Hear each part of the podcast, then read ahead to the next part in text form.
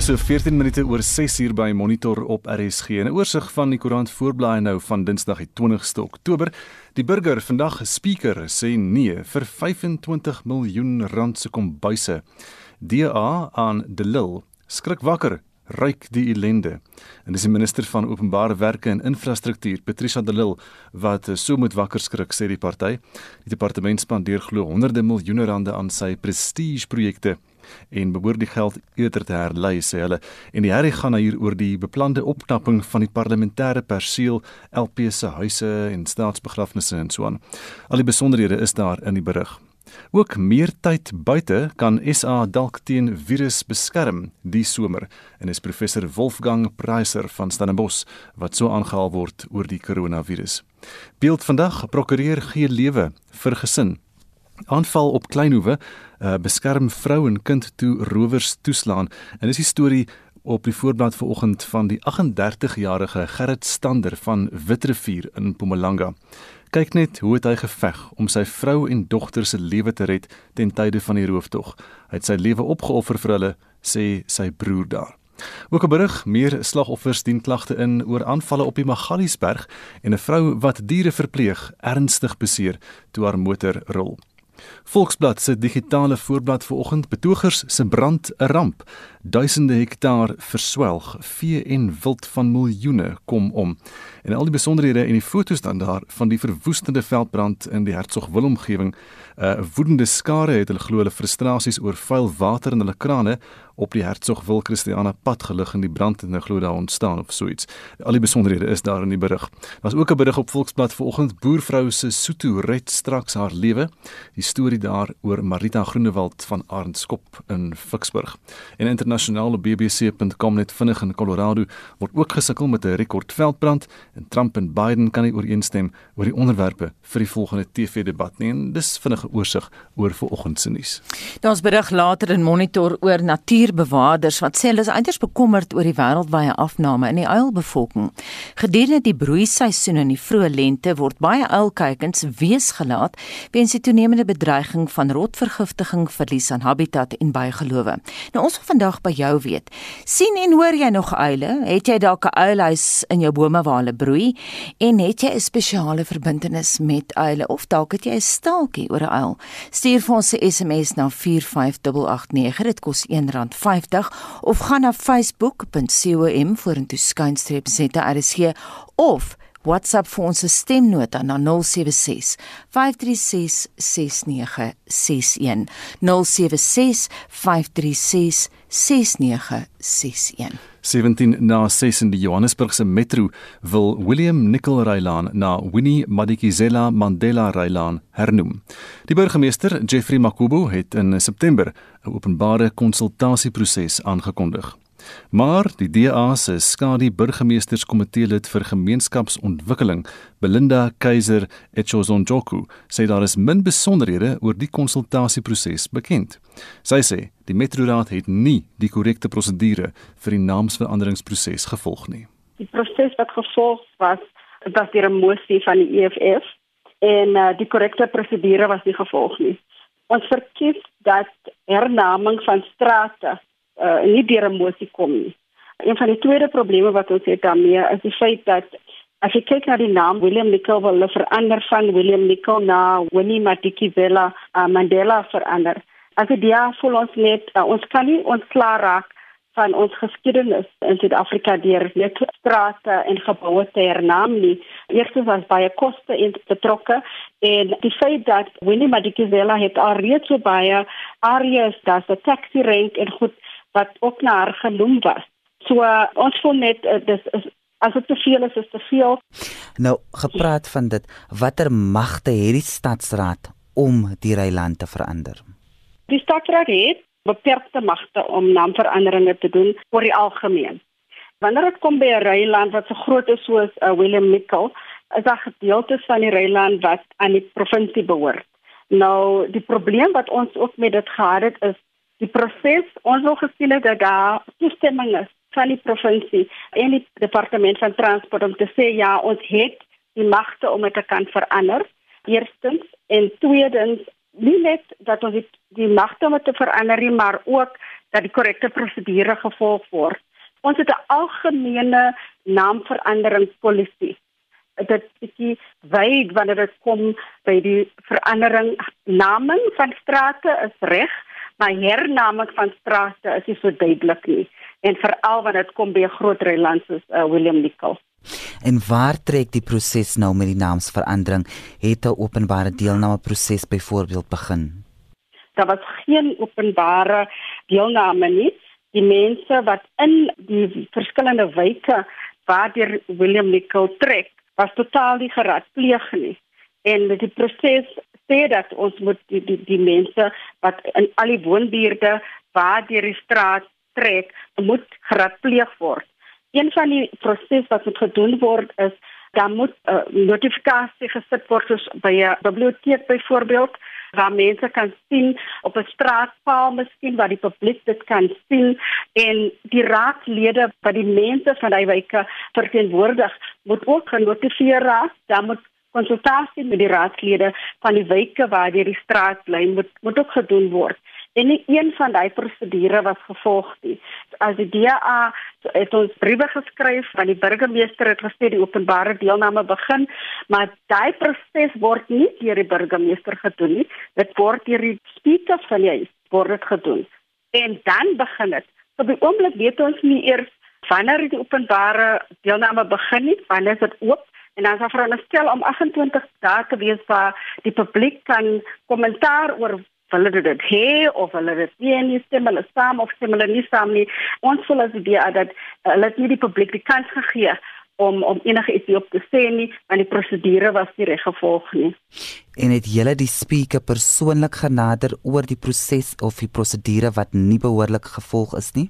Ja, ons het een van die raadslede van een van die wyke, uh, Martin Williams, het alreeds 'n brief geskryf en omdat ek die skadu member van die Meiro komitee is vir gemeenskapsontwikkeling het ek ook 'n brief geskryf na die speaker en die Meiro komitee uh, member vir gemeenskapsontwikkeling ook ges geskryf. Ek het 'n acknowledgement gekry maar niks anders nie. Ons is 'n bietjie gefrustreerd want ons kry net nie antwoorde nie En dit was dan Belinda Keiser Etchezonjoku die DA se skadu burgemeesterskomitee lid vir eh, gemeenskapsontwikkeling in Johannesburg en sy het met Jean Esterhuizen gepraat. Nou die burgemeester se woordvoerder was nie beskikbaar vir kommentaar nie.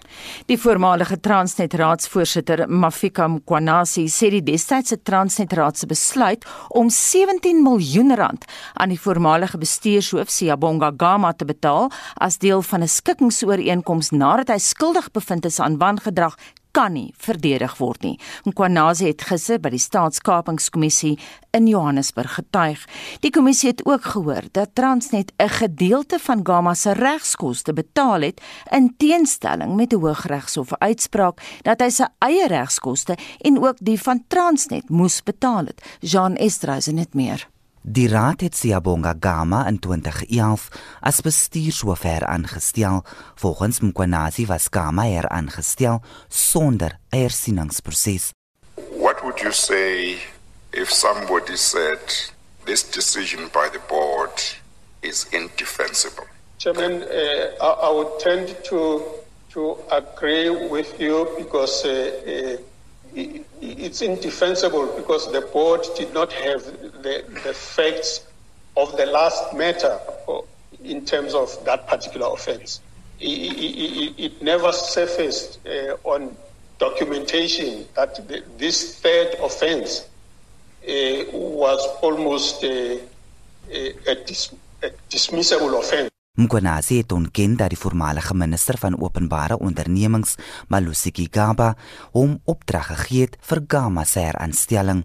Hy sê Gigaba het slegs gevra dat die raad Gama se afdanking moet hersien. You and your board in effect said we want a CEO of a large division of Transnet who signs documents without reading them and that and thus places Transnet in a serious financial risk. That's the CEO we want. We want him to be reinstated.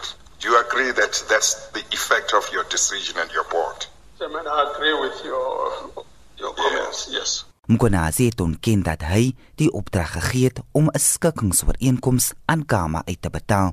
Transnet het 75% van Gama se regskoste betaal. The assumption uh, would have been that Mr. Gama would have paid uh, certain costs uh, at that high court uh, uh process. Then the idea was that if he had had to pay those, then Mr. Gama needed to be refunded 75% of those costs only, but still paid the 25%. Uh, uh, yes. Well, I think we, we all understand that that is what's supposed to have happened, but it didn't happen. Yes. And Mr. Mpoma oh. said it didn't happen because you instructed him. I did not. Yeah. Die kommissie sal nog Transnet verwante getuienis vandag aanhoor. Die verslag van Aledi Ngobo in Johannesburg. Jean Estreisen, SAICanis. Estie Larry Grywenstein sê ek woon in Oude Westhof in die noordelike voorstede van Kaapstad. Uile kom algemeen hier voor en tydens Covid het ek bewus geraak van 'n paartjie wat hulle intrek in die skoorsteen bokant my slaapkamer ingeneem het. Die uile kommunikeer so duidelik met mekaar dat dit soms in die kamer weer galm. En Rensha Maslow Maasdorp skryf hier by ons in Natal hoor ek hulle al hoe minder. Toe ons destyds in die Vrystaat gewoon het in Bloemfontein was daar so baie gewees op pad Deelsville toe. Hulle het altyd op die plaas kom nes maak en hier's 'n mooi storie van Cora van Rensen sy sê sedert Mei het twee gevlekte ooruile ons tuin in sekonde uitgekies om te kom bly my man het begin hok bou 10 Augustus sien ons ma Foetsie in die hok. Ons installeer 'n kamera wat heeltyd om die hok kyk. 2 weke terug besef ons iets gaan daar binne aan want pa oortjie spring 'n groot rot en gee aan in die hok. Die volgende aandete was slang en later padda. Ek sien toe beweging in die hok terwyl pa en ma buite op die tak sit. Eiers kan nie beweeg nie en 7 Oktober sien ons toe uiteindelik in die daglig die gesiggie en die volgende dag teen skemer vier oogies op die beeld wat die kamera afneem. Ons noem die twee Donsie en Alfonsie.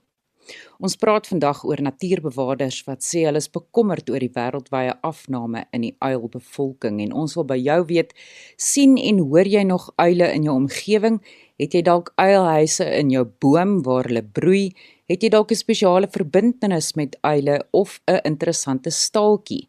Stuur vir ons 'n SMS na 45889 teen R1.50 per SMS. Gesels saam op ons Facebookblad by facebook.com vorentoe skynstreep ZARSG of stuur vir ons 'n stemnota op ons WhatsApp lyn by 076 536 6961. 24 minute voor 7 en ons beweeg nou na die sportveld met Shaun Jooste. Ons fokus vanoggend op van die jongste ranglyste en puntelede. Die Cheetahs is die voorlopers in die plaaslike Super Rugby reeks na twee rondes en staan op 9 punte. Die Bulls is tweede op 5 en die Stormers derde op 4 punte. In die onder 21 kampioenskappe is die Bulls eerste op 15, die Lions tweede op 9 en die WP derde op 5 punte. Netbal Na ses rondes van die 2020 Telkom Netball Liga is die Jaguars, Golden Fireballs en Southern Stings die top 3 in afdeling A op 9, 8 en 7 punte. In groep B bly die Sunbirds onoorwonde en het 10 punte agter hulle naam. Die Arrows is 2 punte agter hulle en die Tornadoes derde op 6 punte. Cricket In die IPL reeks bekleed die Delhi Capitals die nommer 1 posisie en staan op 14 punte. Die Mumbai Indians en Royal Challengers Bangalore is tweede en derde op 12 punte elk na 9 rondes. Sokker. Die top 4 spanne in die Engelse Premier Liga is Everton op 13, Aston Villa op 12, Liverpool op 10 en Leicester City op 9 punte. Die top 3 in die ander groot ligas is in Spanje, Real Sociedad op 11, Villarreal ook op 11 en Real Madrid op 10 punte. In die Duitse Bundesliga staan RB Leipzig op 10 en Bayern München en Borussia Dortmund op 9 punte elk.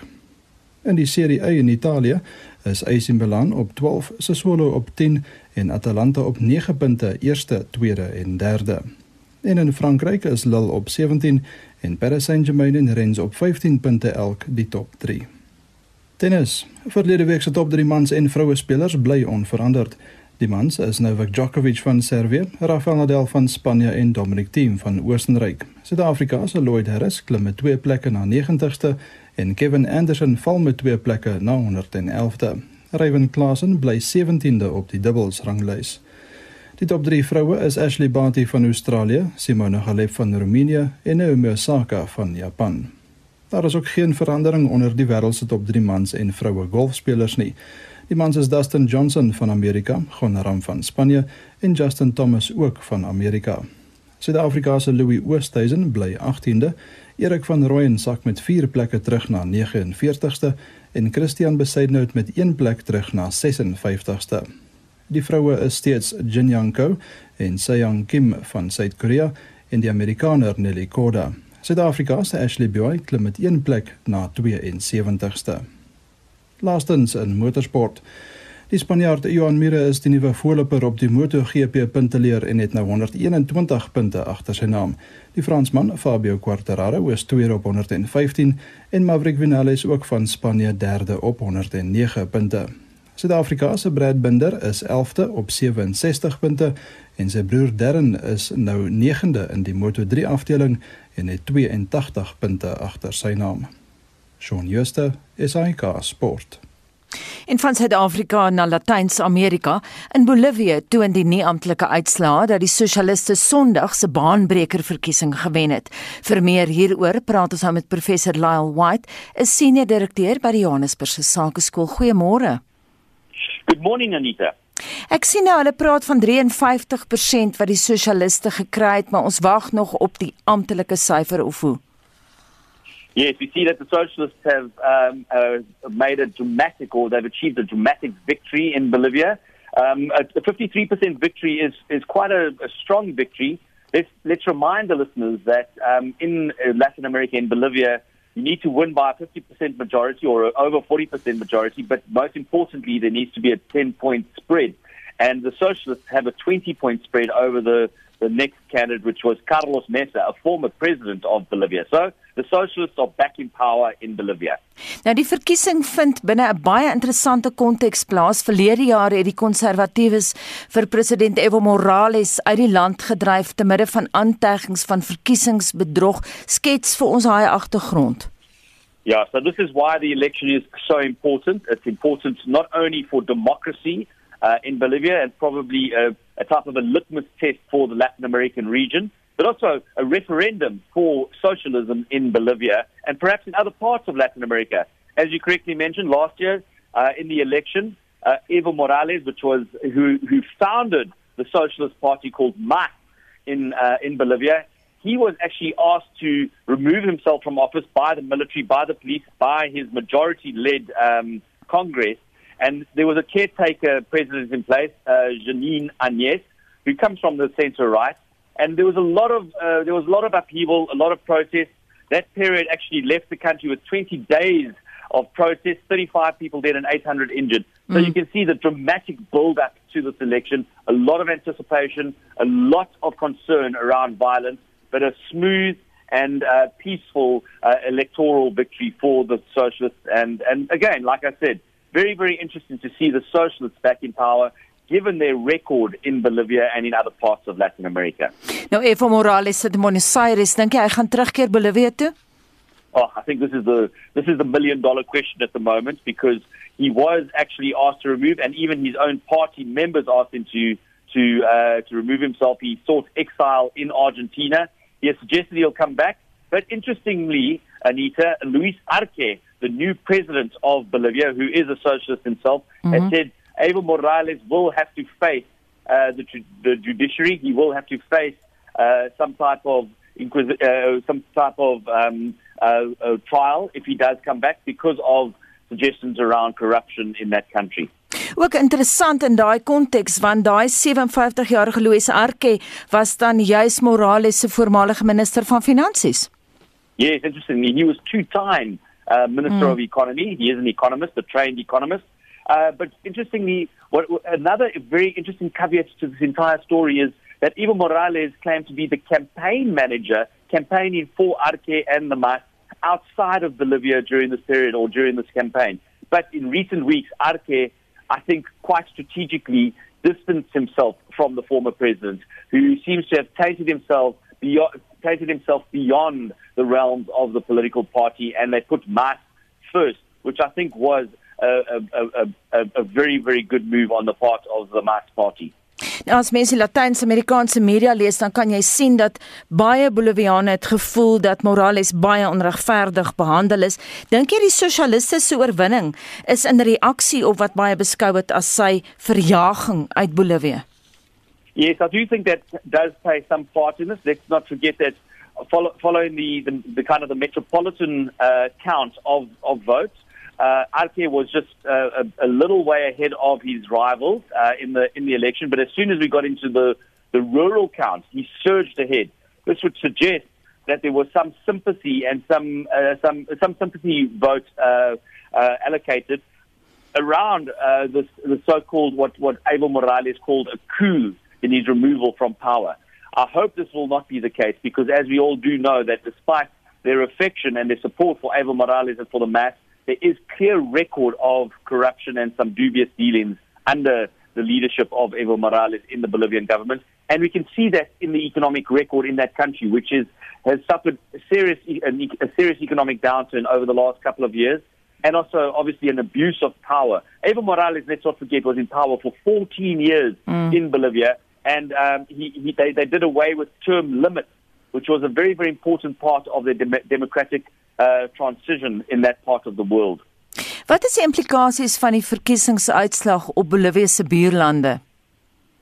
So I think what is going to be very, very interesting is that the neighboring countries, let's not forget Bolivia is a landlocked country surrounded by the likes of Brazil, Argentina, Chile, Peru. I mention these because they are all larger countries. So mm. the impact will be felt, but it is not a country that leads the way in terms of you know, uh, the, the political changes in, in, in the region. However, having said that, uh, we must not forget that uh, the socialists or the so-called pink tide seems to be subsiding very much in Latin America. The pink tide that we saw surge up at the, in the early 2000s and was starting to give way to some of the center-right governments.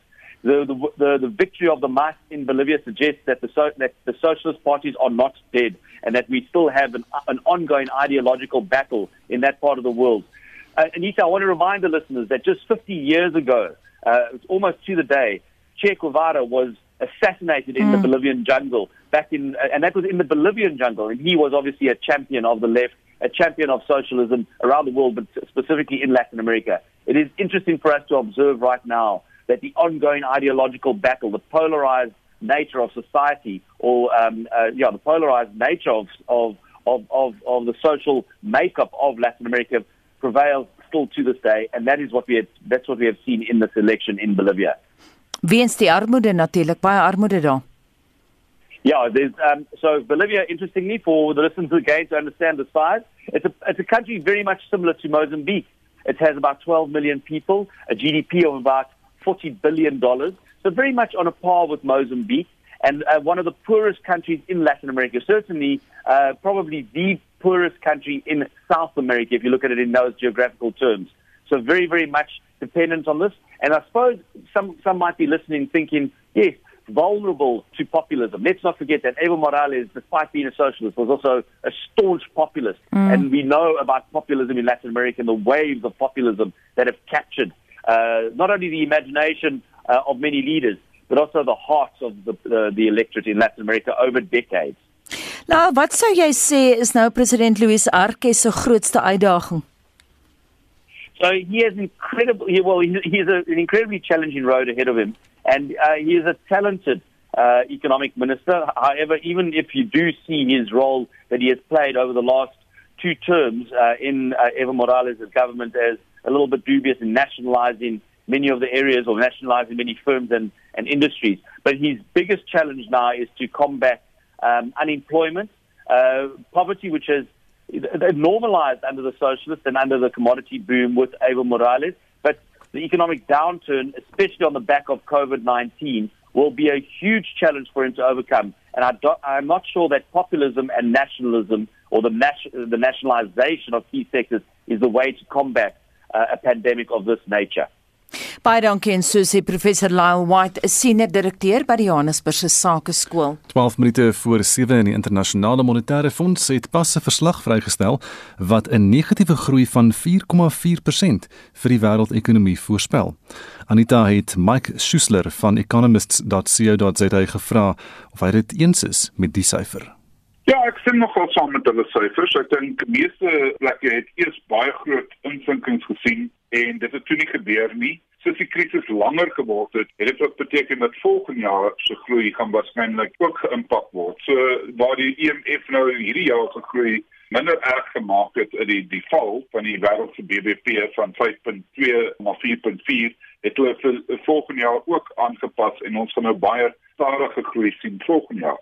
Ek dink die ander ding wat ek net wil uitlig is hierdie is 'n situasie wat die meeste mense nie kan modelleer, glad nie kan modelleer nie want ekonome is nie en ons stelsels is nie gemaak om byvoorbeeld 'n virus skok te aanvaar nie. Ons weet van rentekoersskokke en ons weet van handelsskokke, maar hierdie tipe van skok waar mens beide aan die handelkant en die mense wat op hul werk het, is regtig baie moeilik om in modelle in te bou. So ek dink hierdie jaar is die een jaar waar mense nie eintlik baie vertroue kan hê in enige vooruitskattinge nie. In Sub-Sahara Afrika voorspel die IMF e gaan daar 20 miljoen mense wees wat in uiterste armoede gaan leef. Ja, dit is die eerste keer in waarskynlik die laaste 40 jaar wat ons sien dat die aantal arm mense in die wêreld gaan verhoog. En natuurlik met Afrika aan die voorspits daarvan baie van ons uitvoere is hard getref en uh, natuurlik die landsgrense is baie moeilik om oor te steek op die huidige stadium vir trokke en treine ek dink dit is net Egipte van die groot lande waar 'n positiewe groei verwag word. Maar 20 miljoen mense verder weer terug te plaas in absolute armoede is natuurlik 'n baie groot skok veral omdat ons gesien het dit geval vir 40 jaar. Dit tref werklik waar die tydelike werkers dit tref die mense in fabriekswese baie harder as wat dit die kantoorwerkers tref. So ons sien reg oor die wêreld baie meer ongelykhede wat na vore toe tree in Afrika is dit ook die geval tot 'n mate. Natuurlik die informele markte en dis meer is 'n bietjie anders want ons het nie al die inligting nie. Maar ten opsigte van Suid-Afrika byvoorbeeld is dit baie duidelik uit die Banks of Africa inligting wat ons het dat die tydelike mense baie vinnig laat gaan is. Hulle word nou weer heringestel maar daar was 'n periode van so 4, 5 maande waar baie mense wat daagliks of weekliks betaal word, hulle werk verloor het terwyl vir die mense wat maandeliks betaal word en so aan, het dit baie minder gebeur. En ons sien dit in die werksure reg oor die wêreld, byvoorbeeld in Japan wat nie so erg getref het nie, werksure geval van omtrent 38 na 36 ure 'n week, maar in 'n plek soos Duitsland het dit geval tot 27 werksure in fabriekswese terwyl dit vir kantoorwerkers byna glad nie geval het nie. So die mense wat in die fabriek werk, het baie minder betaling gekry as normaal terwyl die mense in die kantore redelik normaal betaal is. En dit sê vir jou dat binne in die werksmag het daar ook groter ongelykhede na vore toe getree tydens hierdie krisis. Wat dink jy van die president se ekonomiese herstelplan wat verlede week aangekondig is? Ek dink nie baie daarvan nie. Ek dink hy het dit baie beter gelewer as in die verlede, maar ek dink die probleem is ons sit in Suid-Afrika met 'n wenslys en ons dink ons kan net dinge sê en dit gaan gebeur. 800 000 werksgeleenthede wat die staat gaan voorsien, beteken iemand betaal daarvoor en dit is die klein belastingbasis in Suid-Afrika wat 'n uh, redelike skok gaan kry daar. En ek dink op die ou einde voel dit vir my asof die minister van finansies buite die situasie is. Hy sit daar en kook en sanien ander aankondigings word gemaak deur die president. Dit lyk my dat daar nie baie goeie kommunikasie is nie en dat die minister van finansies gesê word wat om te doen en onder die huidige omstandighede dink ek moet ons lankal begin goed implementeer. Dit is die een keer waar die president nou kan sê ons het 'n krisis, ons moet nou verander. Ons moet politieke kapitaal gebruik. Ons moet die arbeidsmag reëlings verander. Ons moet BEE aanspreek. Ons moet al hierdie tipe van goed wat Suid-Afrika terughou, moet nou aangespreek word want die investering in Suid-Afrika is van die laagste van al die ontwikkelde lande. Die arbeidsmag is van die kleinste, werkloosheid van die hoogste ons moes hierdie oomblik aangegryp het. Dit is 'n baie groot skok en ek dink die president het weer met konsensus voortgebou, maar die konsensus was nie met die minister van finansies nie, daar was ook nie 'n konsensus met klein besighede nie. Daar word nie aangespreek hoe gaan ons die treine terugbring nie wat nou nie meer ry nie. Hoe gaan ons dit makliker maak om werk te skep vir die klein besighede? Ons moet begin kyk na hoe praat ons oor feite dit laat 'n ekonomie groei en mense investeer meer daarvoor dat dit nie gebeur nie. Die president het nou gepraat van 800 000 werksgeleenthede, maar realisties gesproke, Mike, hoeveel werk kan daar tans in Suid-Afrika geskep word? Kom ons begin by die ander kant en ons sê ons het amper 11 miljoen mense wat nie werk het nie. Om te sê 800 000 werksgeleenthede wat almal omtrent tydelik is, kan nie die situasie grootliks verander nie. Ons mik te klein in die eerste plek. In die tweede plek Hoe gaan ons dit doen? Wel, die enigste manier om dit te doen is om vir mense te sê ons het net nie die kapasiteit in die staat om nog werksgeleenthede daar te skep nie. Ons moet die werksgeleenthede skep onsself in die private sektor. Ons moet almal daaraan werk dat ons almal 'n plekkie onder die son kry. Ons sal moet kyk dat die staatsdiens minder betaal word as 'n persentasie van die ekonomie. Ons het een van die hoogst betaalde staatsdienste in die wêreld. En hierdie tipe van goed moet aangespreek word. En daar moet aangespreek word hoe gaan ons al die staatsondernemings, het sy dit die SAL is of die NEL of die SAIK, hoe gaan ons hulle hanteer in die toekoms? Gaan ons van hulle probeer verkoop? Gaan ons van hulle anders sluit? Want dit help nie dat ons aanhoudend geld insit in goed wat nie terugkom nie of net terugkom vir meer geld. Dit is oneffektief om die geld so te spandeer op die huidige stadium. Ek dink die EMF uh, leningswet is 'n baie goeie ding byvoorbeeld Maar ek dink as jy aanhoudend gaan met leen by die IMF e gaan hulle vir jou ook baie duidelik sê jy kan nie in 'n uh, bankrot maatskappye jou te belê nie. Wat die president eintlik moes gesê het is ons gaan staatsondernemings nie net opsplit nie, ons gaan van hulle verkoop, van hulle gaan ons toemaak. Ons gaan die spoor weer oopmaak, ons gaan die hawens oopmaak en nie oor 'n periode van 2 of 3 jaar nie soos wat nou die onderhandelinge blyk, maar oor 'n baie baie korte tydperk om investering te lok. En dan die reëls van investering waar ons vir mense sê buitelanders kan met 20% of 25% in radio's belê of in televisiestasies of in ons lugdienste vir 'n land wat nie geld het nie. Jy kan nie al die reëls bekostig nie. Dit is die punt. Ons moet die ekonomie vrymaak om profite te maak en daai profite word investering en werksgeleenthede. Dit is waar nou ons moet maak en dit het ons ongelukkig nie gedoen nie. Dit klink dalk 'n bietjie hard, maar die feit van die saak is ons is die enigste land wat ek ken wat vir 24 jaar aan een lopend werkloosheidskoers van oor die 20% het. Wat ook al ons heeltyd hier gedoen het, het dit nie vir ons gewerk nie. Word ons langtermynbeplanning nie gevlei deur die onsekerheid oor hoe lank die virus nog met ons gaan wees nie? Ja, ek dink alle lande se uh, goed word gevlei. Maar ek wil hê die president moet besef ons het nie meer geld nie, maar hy kan politieke kapitaal gebruik. En daai politieke kapitaal gaan beteken dat die investeerders binne en buite Suid-Afrika se ore sal optel. As jy vir mense sê ek beweeg nader aan besigheid, ek gaan die arbeidsreëls verander, veral vir die kleiner firmas wat dit nie kan bekostig nie want dit sou meeste werkskeping gebeur in die wêreld. Ons gaan die minimumloon opgee vir firmas sê onder 10 of 20 mense ons gaan probeer dat mense net iets het, dan kan jy jou welvaart skep en of geld wat jy vir die armes gee baie beter benut in terme dat hulle begin ander inkomste kry. Maar die situasie in Suid-Afrika op die huidige stadium is baie anti-werk, baie anti-besigheid en jy gebruik nie 'n politieke kapitaal nie. Sê vir my jy's nie ernstig oor die ekonomie nie, jy's net ernstig om mag te bly. En dan die ekonom Mike Schuessler en Anita het daardie onderhoud met hom gevoer. Ons fokus vanoggend op eile. Wat sê ons luisteraars? Estie. Griselda Hartman Koen laat weet hier in ons dorp in Limpopo kry ons nou en dan 'n uil by die huis en daar's 'n broeipaar by die laerskool Louis Trigard wat gewoonlik elke jaar teruggekom het, maar ek's nie seker of dit nog gebeur nie. Kom ons luister wat van ons luisteraars sê. Haai nie van Sinsa Oos. Ek bly so op die lagoon en elke aand hier by skemer dan hoor ek ten minste twee naguiltjies. Ja, dit is net wonderlik. Hendrik van Randfontein. 'n uh, Sekondêre vergiftiging by eile is 'n groot probleem weens die rotgif. Ek dink mense moet dalk die rotgif wat sekondêre vergiftiging veroorsaak sommer verban of dit baie dierder maak as die rotgif wat nie sekondêre vergiftiging veroorsaak nie. Dit sal die probleem bietjie oplos dink ek. Hulle habitat is ook 'n probleem. Ek probeer eile hierso by my aanhou, maar hulle wil net nie hulle eilehuise intrek nie. Op my plaashuis se dak hier in die Suid-Vrystaat het ons nou al die afgelope 3 maande wat ek nou weer gekyk het 6 en toe 4 kleintjies nonnetjies eile elk. Ek het eil sitplekke, ek het eil kaste, maar hulle verkies die huis se dak.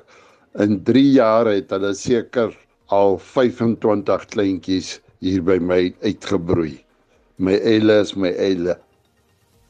Arina Olivier skryf daar was in 'n stadium 'n uil in ons kerk, ag is hy agter die orgel gebly en daar's 'n groot kruis teen die muur agter die preekstoel. Dan het sy daar gesit en luister terwyl my man preek.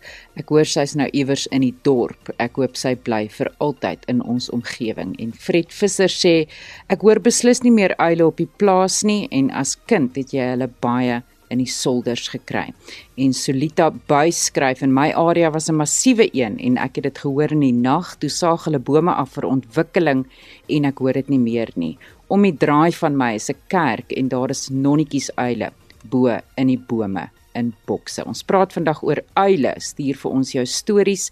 Stuur vir ons 'n SMS na 4588910 R50 per SMS. Gesels saam op ons Facebookblad by facebook.com facebook.com vorentoe skynstreep ZARSG of WhatsApp vir ons stemnota na 076 536 6961. Dit was pas 7 uur.